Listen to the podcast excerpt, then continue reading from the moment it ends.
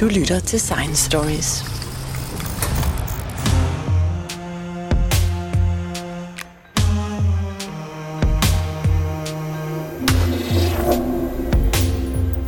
Professor Michael Bang Petersen fra Statskundskab på Aarhus Universitet. Du har fået ministeriets pris for 2022 og er blevet slået til ridder af Dannebro for din forskning og især for din formidling af forskningen.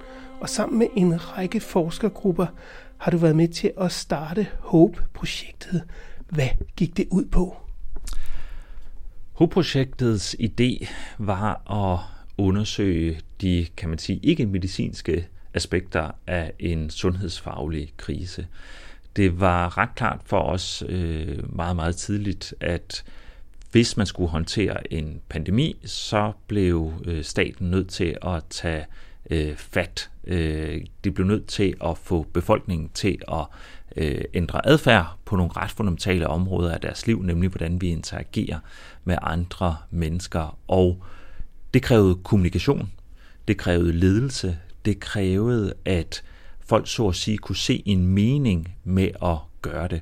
Og alle de ting, og forstå de processer, det er noget, som ligesom er kernen i humaniora og i samfundsvidenskab. Og derfor var det også ret afgørende at have et netop ikke sundhedsfagligt perspektiv på en krise, som, som mange ellers tænkte på var, var noget for læger og øh, sundhedsfaglige folk. Så I sad her på jeres kontor, da covid-19-krisen kom, og, øh, og hvad skete så? Hvem tog initiativ til det her? Ja, men det er, øh, det er lidt en, øh, en, en mere kompliceret historie, fordi der var mange, der så at sige øh, handlede samtidig for at realisere det her projekt. Relativt tidligt i, i processen, så før, kan man sige, der i, i slutningen af februar, de allerførste dage af marts, der var det klart for mig, at at det her det var kritisk, og øh, der, øh, det var afgørende, at kommunikationen sad øh, lige i skabet. Og øh, det, øh, det øh, udtalte jeg mig offentligt om. Øh, jeg skrev på de sociale medier, jeg talte med, øh, med forskellige danske medier, jeg skrev en, øh, en kronik. Og i, i den, i den øh, forbindelse blev jeg, øh, blev jeg også øh, hidkaldt til, øh, til Sundhedsministeriet og, øh, og talte med sundhedsministeren omkring, øh, omkring god, god kommunikation.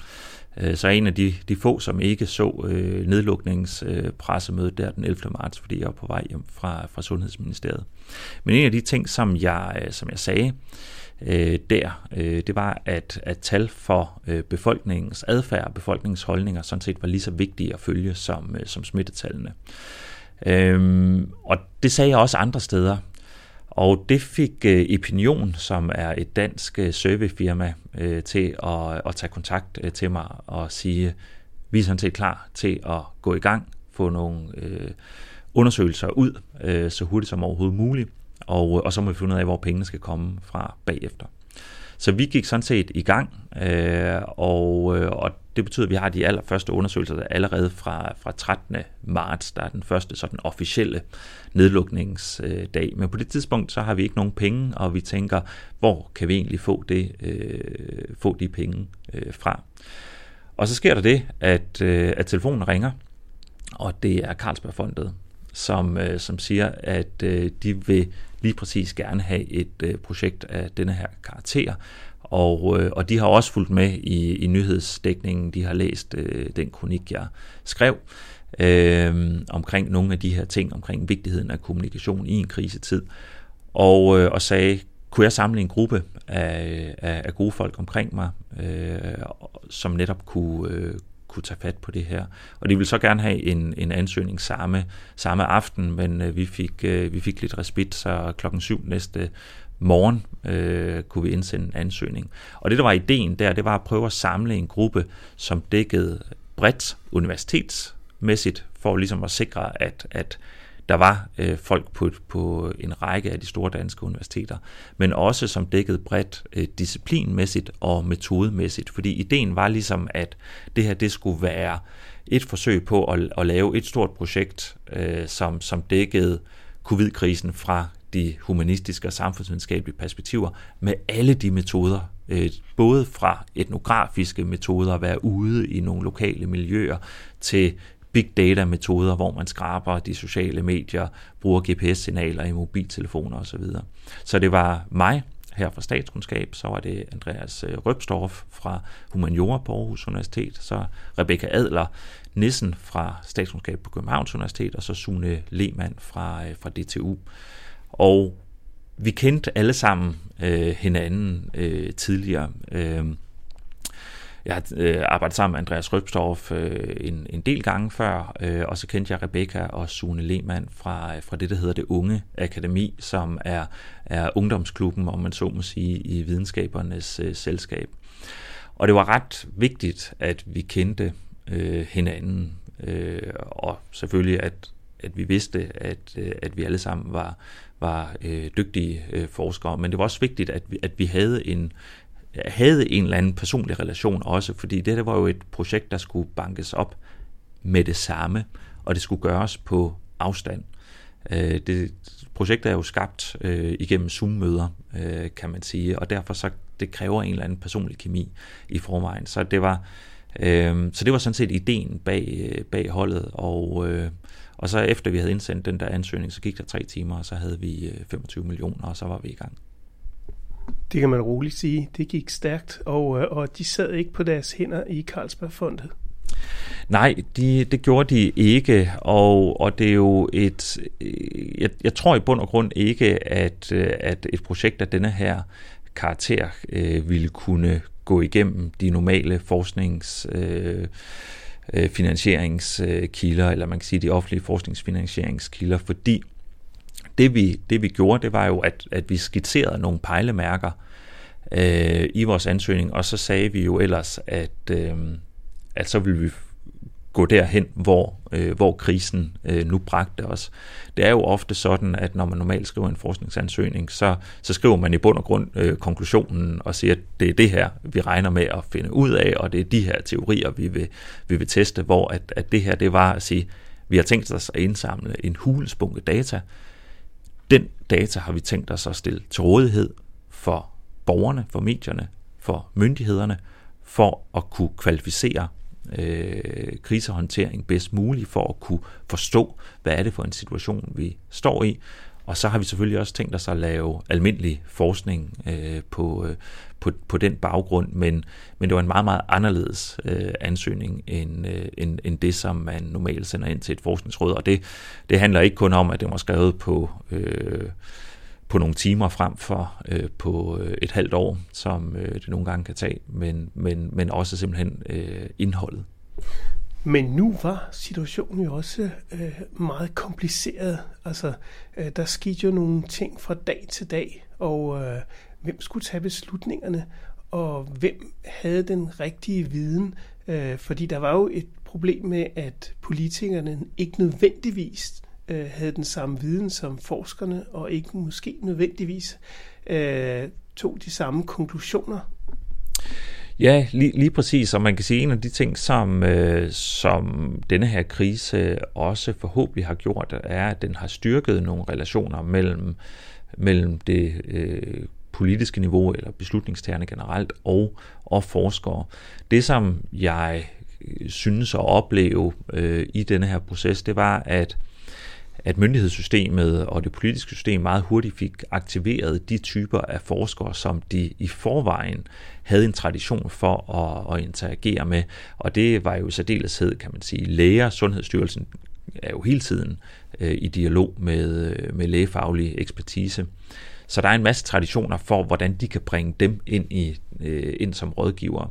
Derudover så er der også en lang tradition i, øh, i Danmark for at øh, bruge øh, økonomer Øh, og, og der fik man også meget hurtigt øh, den, den økonomiske ekspertise ind i myndighedssystemet. Men, men den her sådan bredere samfundsfaglige ekspertise, eller den mere humanistiske ekspertise, der er måske ikke på samme måde en tradition for at, at lade sig rådgive af dem. Og det er også væsentligt i en krise af denne her karakter. Og, og, og der var min oplevelse, at, at det krævede nogle flere tilløb øh, før at, øh, at man fik den øh, ekspertise ind i, ind i systemet.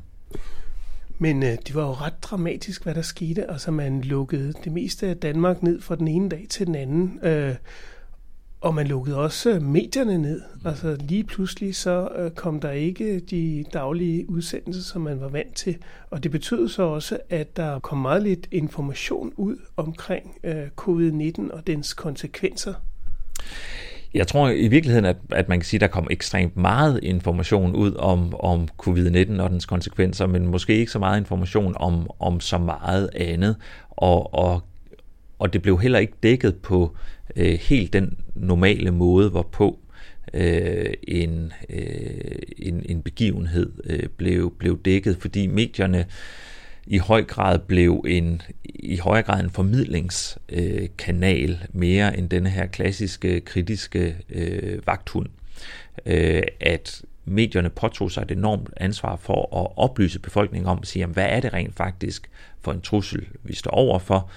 Øh, hvordan er det, man som borger skal øh, håndtere det?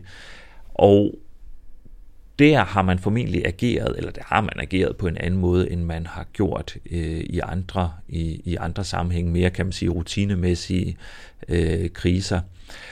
Og, og, og det ved jeg, at der er nogle journalister, øh, der, der i dag vil, vil begræde. Øh, men jeg tror også, det er vigtigt at sige, at, jeg, at, at medierne har formentlig øh, spillet en rolle i forhold, den her formidlingsrolle, der har spillet en betydelig rolle i forhold til den her dannelse af en fælles forståelse hos de danske borgere af, hvad er det for en krise, vi, vi står i, øh, og hvad er det, der skal gøres, og derved har været med til at etablere den her utrolig store opbakning, som der har været til coronahåndtering. Om jeg kan i hvert fald sige, at, at som podcastproducent, der oplevede jeg øh, for det første et, et vis held i og med, at jeg var øh, en af de første til at bringe en, en historie, der havde relation til covid-19, øh, faktisk allerede en måned før øh, nedlukningen, hvor vi snakkede om den spanske syge med øh, den senere populære kendt ja. Lone Simonsen.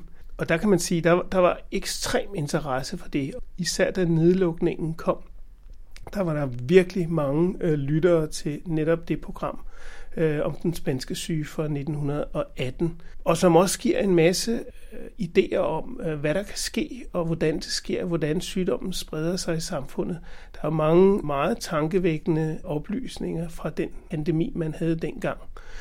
Øh, og senere så havde jeg fat i øh, Anders Fomskov, øh, som også gav nogle rigtig gode forklaringer og vi var stort set de eneste, der fortalte om, altså sådan i dybden om, hvad gik den her øh, viruspandemi ud på, hvad skete der, øh, hvad er det for nogle virus osv. Det var, det var meget lidt egentlig information, som, som de generelle medier kom ud med.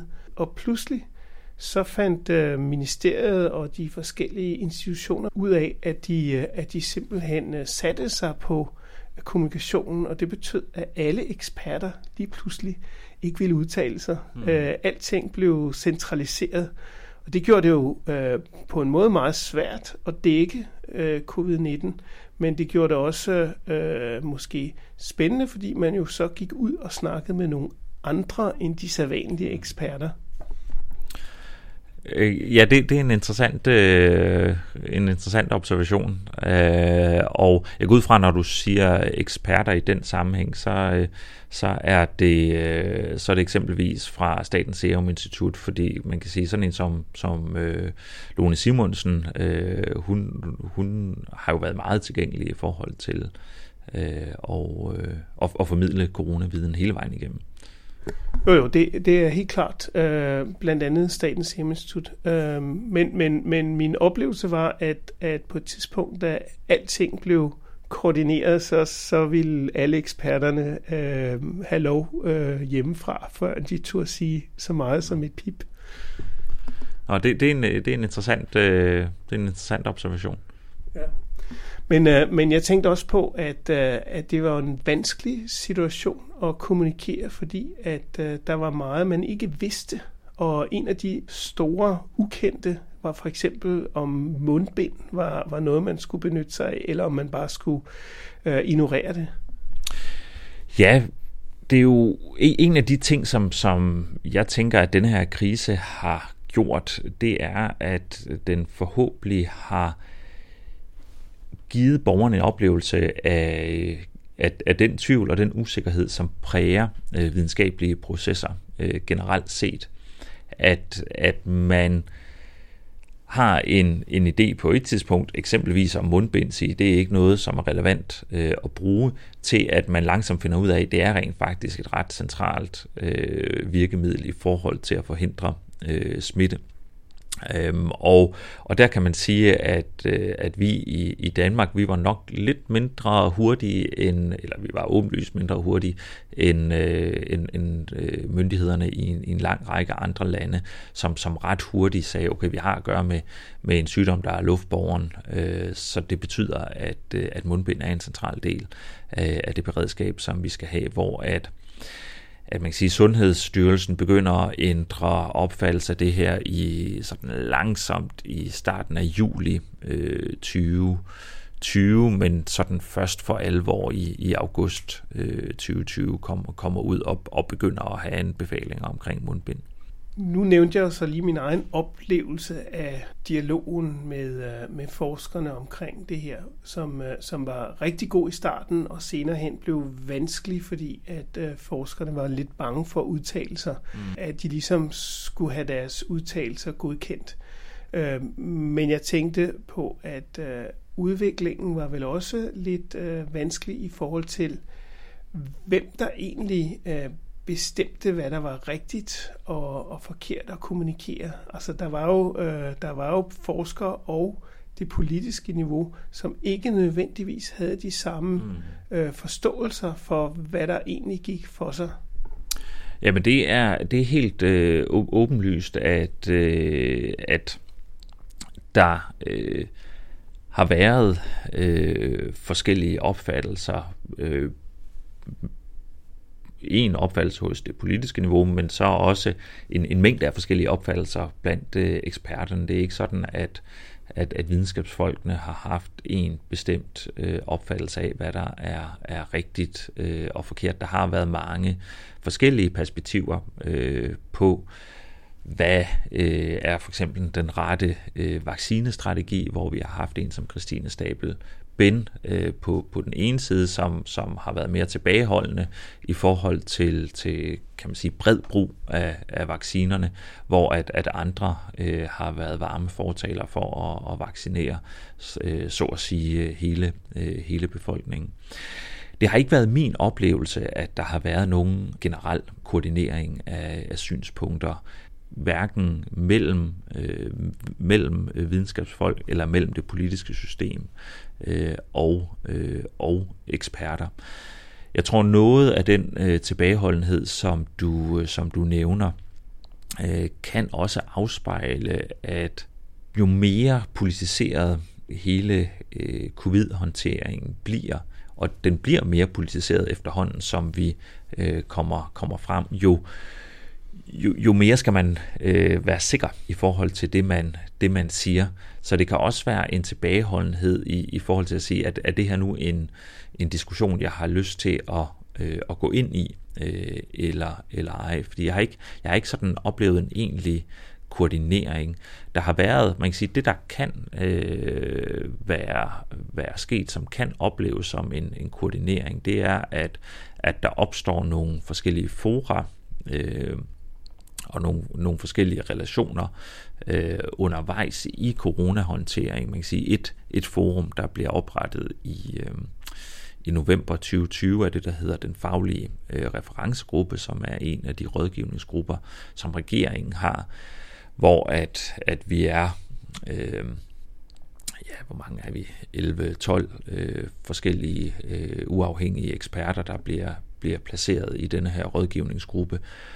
Og, det betyder, at, at vi får talt en masse ting igennem med, med hinanden, og, og det kan være, at, at der er en, en, en, en større fælles forståelse af nogle problemstillinger, i og med, at vi har øh, hyppige møder med hinanden, hvor vi diskuterer både de sundhedsfaglige og de samfundsvidenskabelige aspekter af de her forskellige ting igennem. Men der er ikke sådan en forventning på nogen som helst måde om, at, at, at man så skal afstemme øh, sine, sine holdninger efter, øh, efter hvad andre i den, den gruppe mener. Men det kan skabe sådan en, en, en, en oplevelse af, at der måske er større enighed, øh, simpelthen fordi folk har øh, mere øh, lejlighed til at tale sammen. Og det betyder selvfølgelig også, at der bliver etableret nogle mere uformelle relationer, at man kan, kan gribe telefonen, øh, hvis der er noget, man er i tvivl om, og, og, og ringe til, til hinanden og sige, hvad er dit perspektiv på det her? Men ellers er noget af det, I skriver i jeres rapport, det er, at I, I roser øh, det danske system for at have været meget øh, transparent og meget åben.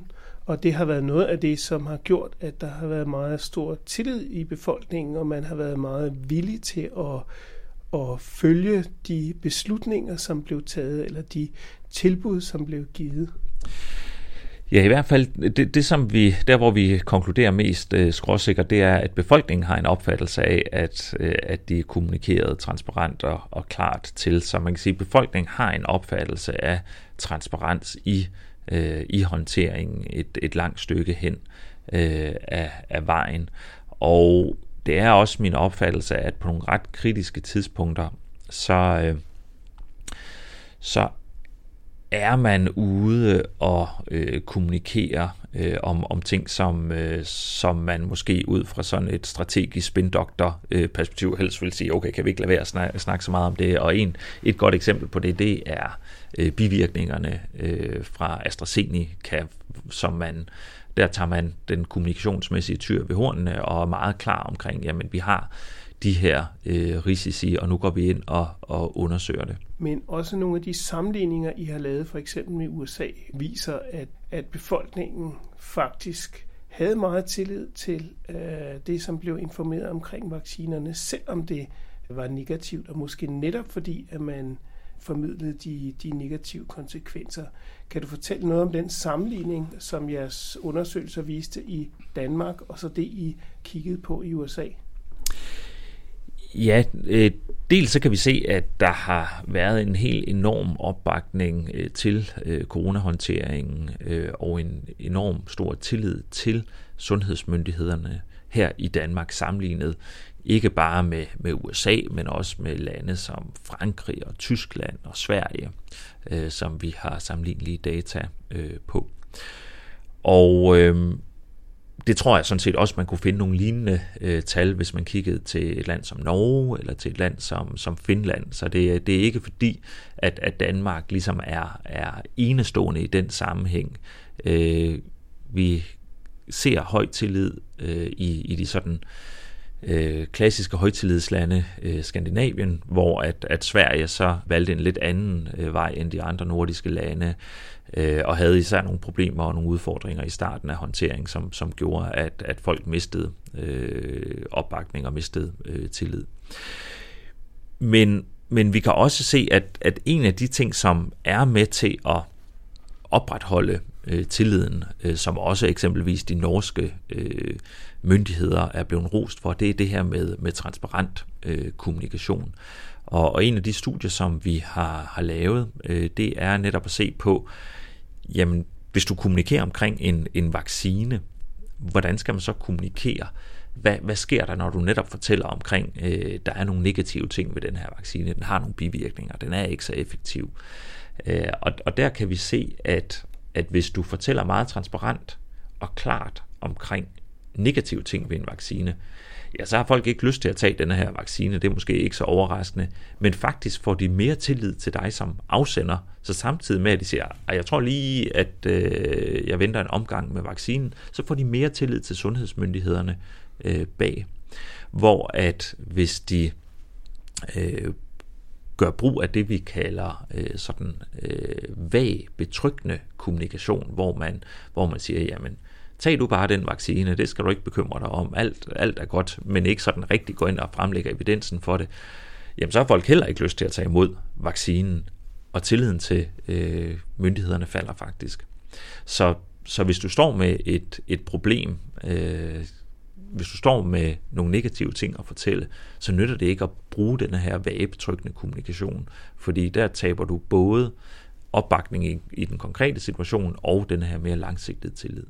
Men stadigvæk er der jo nogle grupper, som er meget modstandere af den øh, formidling, der foregår. Der foregår øh, en masse ting også på sociale medier. Øh, der er en hel øh, trafik af konspirationsteorier, og mange af dem er så fra udlandet, men, øh, men man kan sige, der er jo sådan en underskov af diskussion omkring, hvad er det, der foregår, og hvad er det for nogle oplysninger, man får. Og, øh, og det foregik jo også i Danmark. Jamen, det foregik øh, bestemt i, øh, i Danmark. Øh, ud fra de data, vi, øh, vi har, så er, øh, er gruppen af, af det, man kan kalde systemskeptikere, er øh, mindre i Danmark, end det er, øh, end den er mange andre steder.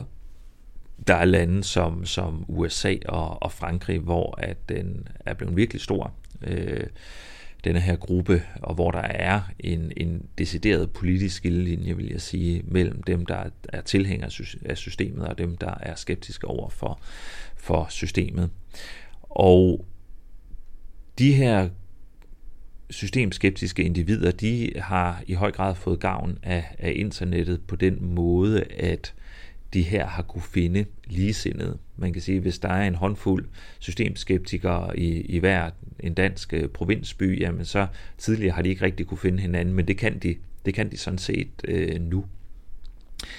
Det betyder også, at øh, man ofte vil have en, en oplevelse af, at systemskepsisen måske er mere udbredt, end den, end den er, når man bevæger sig ind på de sociale medier, fordi det i høj grad vil være de her personer, som ytrer sig, og der vil netop være et fællesskab, eller de vil finde et fællesskab, og kan være med til at, at så at sige, opbildne hinanden.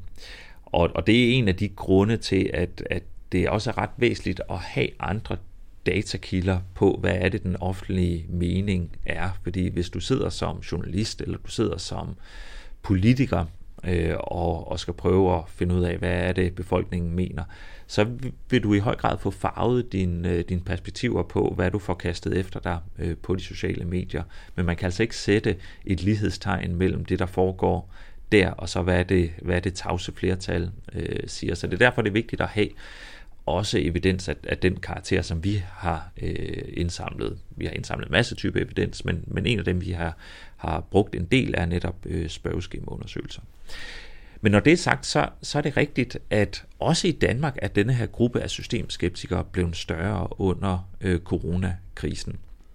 Vi, vi kan se, at tilliden til regeringen er faldet hen over øh, krisen, øh, og vi kan se, at der generelt set har været en, en stigende mistillid, ikke bare til sådan den siddende regering, men til systemet generelt. Og, og det, som vores forskning tyder på, det er, at det hænger sammen med, med den karakter, som en pandemisk krise har. Fordi det er en krise, hvor staten tager meget, meget hårdt fat. Øh, og kommer med restriktioner, som skal ændre vores adfærd på fundamentale områder. Og det er ikke særlig rart. Det er ikke særlig rart for et socialt dyr, som mennesket er, at skulle sidde øh, alene derhjemme og ikke have social kontakt. Det er noget, der skaber udmattelse, det skaber coronatræthed, og den coronatræthed, den skaber frustrationer, og de frustrationer retter sig ikke imod sådan en abstrakt ting som et virus og sige, det er da også øh, træls, at jeg øh, nu skal leve igennem en, øh, en pandemi. Den retter sig meget konkret mod de myndigheder og de politikere, som øh, træffer de konkrete beslutninger om, at nu skal jeg sidde hjemme.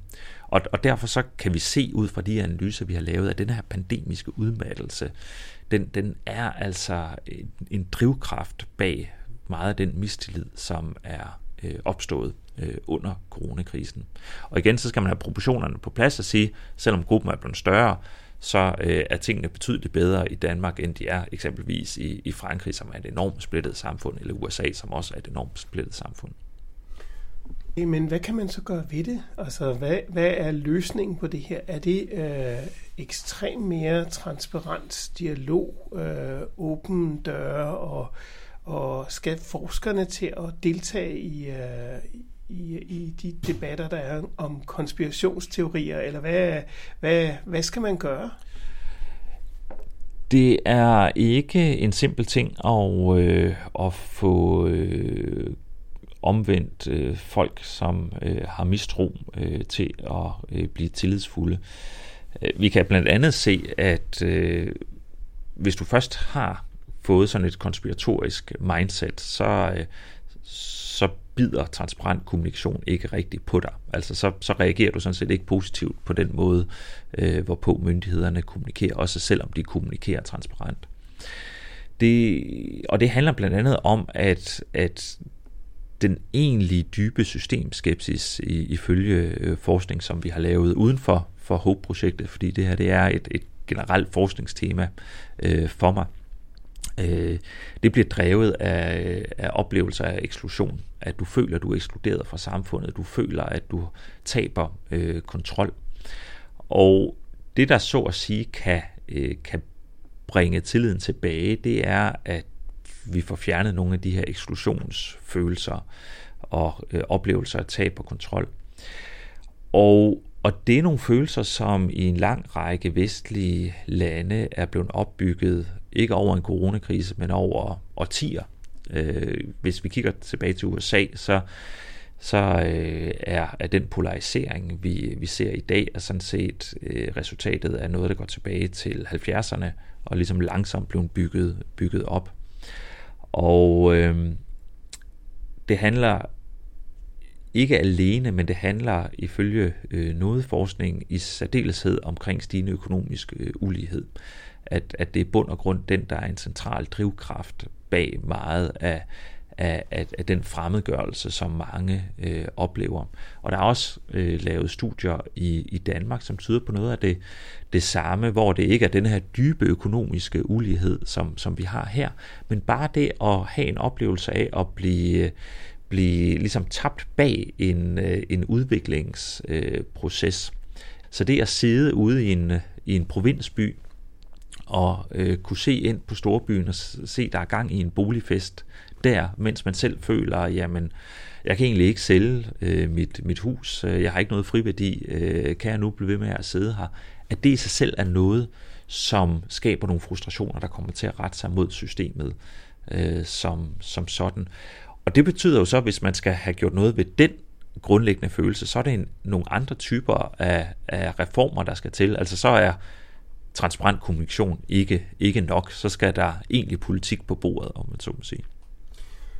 Og jeg kan komme i tanke om rigtig mange områder, hvor at man kan føle sig tabt øh, bag af, af en vogn, eller tabt bag af samfundet. For eksempel hele den digitalisering, der foregår af alle vores systemer. Det gør jo, at rigtig mange mennesker har svært ved bare at finde ud af at tage bussen Jamen det er rigtigt. Der er øh, også fokus i, øh, i disse tider på, øh, på ting som, som nem idé øh, og mit idé, hvordan det skaber problemer øh, for, øh, for en, en lang række borgergrupper.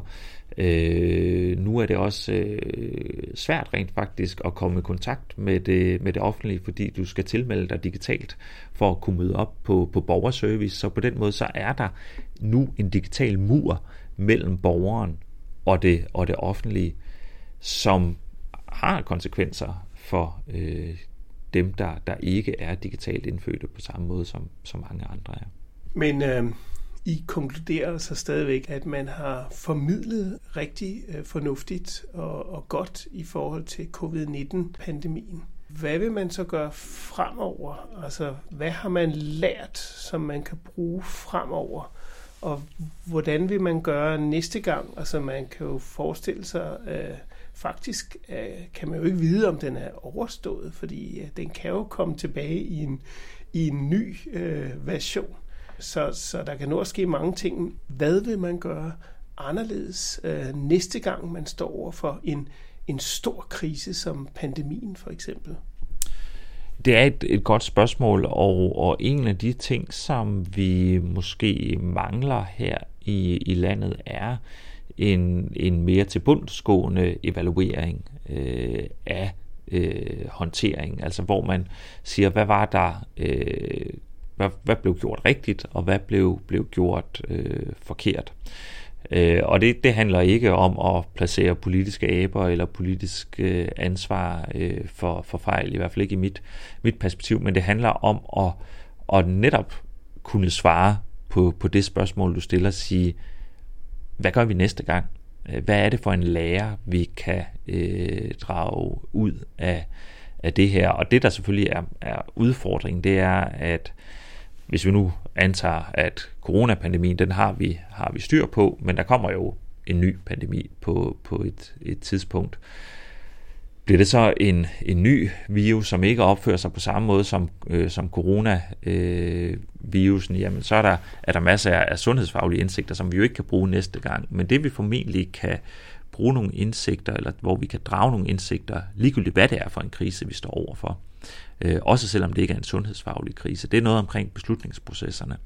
Hvor, hvordan sikrer man, at der er den fornødne faglighed til stede i beslutningsprocesserne?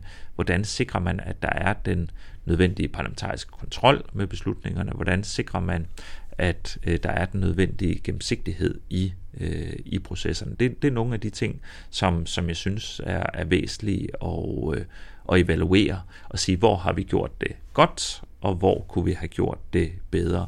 Igen, ikke, for, ikke som en del af en, af en politisk proces, men som en del af et spørgsmål om at bare lære så meget som muligt, fordi man kan sige, hvis, hvis der skal komme noget godt ud af en krise, så er det, at man lærer noget, at man drager nogle, nogle øh, slutninger om, hvordan kan man gøre det bedre øh, næste gang. Så man skal så at sige se, se fejlene i øjnene kunne man forestille sig en institution, som kunne hjælpe politikerne med at træffe de rigtige beslutninger? For eksempel som man har i, i England med en, en videnskabelig rådgiver for regeringen, som ikke bare er en person, men en hel institution. Og i virkeligheden har man lidt det i Danmark også i forhold til vismandsinstitutionen. Kunne man forestille sig sådan en slags forskningsvismandsinstitution i, øh, i Danmark? Ja, det synes jeg, at man, man burde øh, have, fordi igen tilbage til en af de, de pointer, jeg havde øh, tidligere, at, at der, jeg, hvor jeg kunne se, at den faglige ekspertise ret nemt kom ind i beslutningsprocesserne, det var der, hvor der var etableret infrastruktur for det, altså netop den lægefaglige ekspertise, den økonomiske ekspertise. Så jeg, jeg har haft sådan en idé om, at man burde nedsætte netop en pendant til det økonomiske råd, men med fokus på adfærdsvidenskab. Øh, man kunne givetvis også have det på, på andre øh, områder, men jeg mener, det er ret væsentligt at tænke i, hvordan er det, man kan få den bedste samfundsvidenskabelige viden ind til politikerne. Fordi det, der er, er klart, det er, at politikere har utrolig mange opfattelser, som, som vi ved er empirisk forkerte. Det var en af dem, der øh, fik, øh, fik mig trukket ind i corona-håndtering, øh, eller man kan sige, det var, var det, der, der, der ligesom Øh, ansporede mig til at, at, at deltage i den offentlige debat til at starte med, det var denne her en fornemmelse af, at der var sådan en bekymring for borgerne, sige, vil borgerne nu tage, tage de ting alvorligt, som, som vi siger, kan vi nu fortælle den, den, den ubehagelige sandhed om, hvad det er, der, der venter os lige om lidt, hvis, når coronavirusen får, får fodfæste i, i Danmark. Så den her bekymring for panik blandt borgerne, og det ved vi bare, borgerne går ikke i panik, når de står over for en samfundskrise, hvis de bliver mødt med transparent, klar øh, kommunikation. På samme måde som et af mine andre øh, forskningsfelter, øh, det er sociale medier, hvor der også er en masse forkerte opfattelser, der, der flyder øh, i det politiske system omkring øh, ekokammer eksempelvis. Man har en opfattelse af, at sociale medier er ekokammer, men det viser forskningen bare, at det er ikke tilfældet. Altså, der, der, ja, der findes dybe ekokammer i form af konspirationsgrupper øh, derude, men for langt de fleste almindelige borgere, om man så må sige, så, er, så nedbryder de sociale medier ekokamrene. Og det er sådan set derfor, det er så ubehageligt at være derinde, fordi man ikke længere er i sin beskyttede boble, men man kan ligesom se, hvad alle andre tænker og føler og siger. Så, så der er brug for en eller anden måde, hvorpå man kan få født øh, viden ind i systemet. Og lige nu så er der jo nogle processer, høringssystemet eksempelvis, politikere arrangerer høringer, men det, det kommer det jo ofte, at, at de vil have noget, noget viden, hvor at du har en institution som det økonomiske råd eller et etiske råd, som af egen drift kan tage ting op og sige, det her er altså vigtigt. Sådan mener jeg, at man burde have det for langt flere videnskabelige felter. Ja, for der er rigtig mange store problemer, som vi er nødt til at tage stilling til. Altså, der er jo klimakrisen, som jo altså ikke er blevet glemt, bare fordi vi har haft nogle år med coronakrise. Og, og der er, er mange andre kriser. Altså nu er der krig i, i Ukraine. Den føler man måske ikke så meget, men den har jo i virkeligheden rigtig stor betydning for os. Ja, lige præcis. At det ligner lidt, at, øh, at 20'erne bliver krisernes øh, årti, og der er enorme udfordringer, som, som vi, vi står overfor. Øh, og på samme måde som jeg mener, at, øh, at coronapandemien var for vigtigt, eller for vigtig en krise til at overlade til, til lægerne, så mener jeg også, at, at klimakrisen er en for stor krise til bare at overlade til klimaforskerne. Der skal andre videnskabelige retninger også ind. Men det man kan sige, det er, at indtil videre har Danmark klaret sig rigtig godt i konkurrencen mellem at være tættest på borgerne og give størst øh, tillid. Og, og det er i virkeligheden rigtig meget værd. Jamen det er enormt meget værd. Øh, og, og det som, øh, som coronakrisen måske øh, først og fremmest bør minde alle om, øh, både borgere og beslutningstagere, det er, hvor helt en enorm stor ressource det er at leve i et højtillidsland. Fordi det er bund og grund den tillid, vi har til hinanden, som gør, at vi kan komme relativt øh, fint ud af det, ud af en krise som det her, også selvom der er begået fejl, så at, at vi så at sige kan, kan komme, komme videre. Og, øh, og der kan man måske også godt have en tendens til at sige, nå jo, men det er jo, vi er jo et højtillidsland, så, så det går fint. Men, men man kan ikke tage den tillid for givet. Øh, hvis man kigger på, på de internationale data, der er, så skal vi ikke længere tilbage end til, øh, til starten af, af 80'erne, for at finde et tidspunkt, hvor at Danmarks tillidsniveau var på højde med, eller ja, det modsatte kan man sige, på samme lave niveau som USA's tillidsniveau. Så vi kan ikke tage for givet, at Danmark er et, et højtillidsland. Det er, er noget, der er som vi er i kraft af den omfordeling, vi har, og i kraft af fraværet af korruption, som, som vi har. Men det skal man altså arbejde på kontinuerligt og opretholde det, som man kan sige, en politikers allervigtigste job er formodentlig at gå på arbejde hver dag og sige, hvordan kan vi fastholde denne her tillid, som vi har til hinanden, for det er formentlig den vigtigste ressource, vi har. Og også øh, indrømme sine egne fejl og, og fejltagelser. Tak skal du have, Michael Bang Petersen. Det var rigtig, rigtig spændende. Velkommen.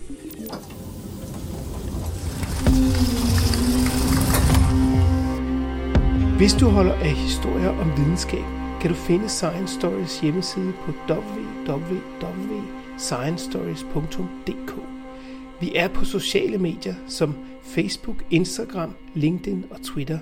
Du kan finde vores podcast på de fleste podcastudbydere som SoundCloud, Podimo, Spotify, og hvis du bruger Apple Podcast, må du meget gerne give os en rating og en kommentar, så andre også kan finde os. Jeg hedder Jens Deget, og dette var Science Stories.